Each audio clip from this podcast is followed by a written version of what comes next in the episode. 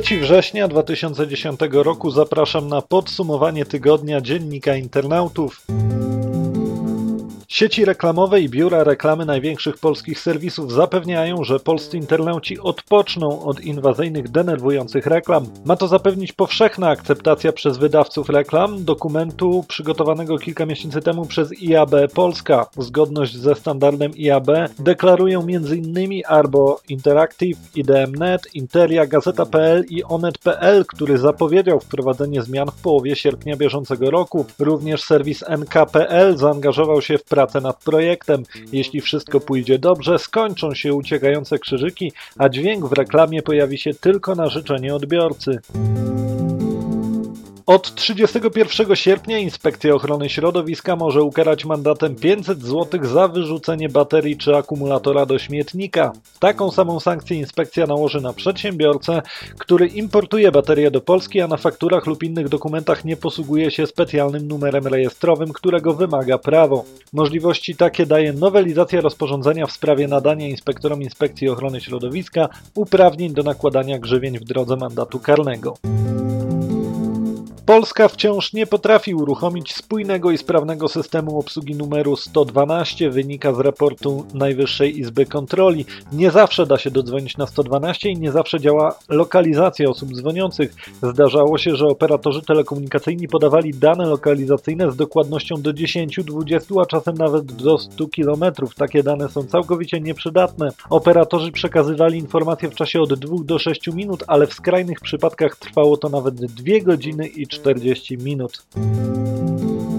Nasza klasa ma nowych właścicieli. Dotychczasowe udziały estońskiej spółki AS40.com zostały przejęte w całości przez Excolim, spółkę prowadzoną przez wcześniejszych współudziałowców Forticom i jednocześnie twórców serwisów społecznościowych na Litwie i Łotwie. Dominik Kaznowski powiedział serwisowi interaktywnie.com, że może to oznaczać przesunięcie zainteresowania NK ze współpracy w ramach grupy firm europejskich w stronę rynku polskiego.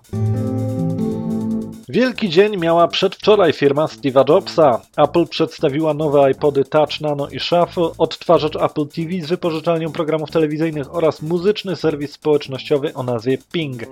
Jak się spodziewano, nowe urządzenie Apple TV będzie mniejsze, będzie kosztowało 99 dolarów i będzie umożliwiało wypożyczanie programów telewizyjnych na 48 godzin za 99 centów. Będzie też udostępniać materiały z serwisu Netflix. Warto też zwrócić uwagę na nowego iPoda Touch, który będzie dawał dostęp do społecznościowego systemu gier Game Center. Urządzenie ma też o wiele lepszy wyświetlacz niż poprzednia wersja, mocny procesor i żyroskop. Trzecia ważna nowość Apple to Ping, muzyczny serwis społecznościowy zintegrowany z iTunes. Pozwoli on na śledzenie artystów, utworów słuchanych przez znajomych, publikowanie własnych opinii oraz, co najważniejsze, kupowanie muzyki.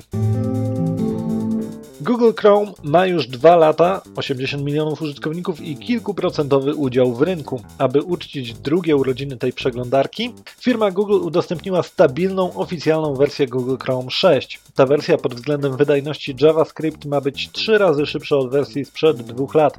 Uproszczono interfejs, m.in. podwójne menu Chrome zastąpiono jednym. Zmieniono położenie przycisków i dostosowano schemat kolorów przeglądarki tak, by był bardziej przyjazny dla wzroku. Można zrobić solenizantowi przyjemność i pobrać przeglądarkę z adresu google.pl ukośnik Chrome. 1 stycznia weszła w życie we Francji. Tak ustawa Hadopi wymierzona w internautów wymieniających się nielegalnie plikami w sieci. Jednak dopiero wczoraj rozpoczęte zostały faktyczne działania mające ukrócić niezgodne z prawem działania internautów. Aż 8 miesięcy trzeba było na stworzenie odpowiednich struktur i procedur. Znawcy tematu nie mają wątpliwości, że nowe prawo nie spełni swojej funkcji. Głównym dowodem w sprawach przeciwko internautom mają być bowiem adresy IP, a te nie są przypisane na stałe do osób. Więcej na ten temat w dzienniku internautów.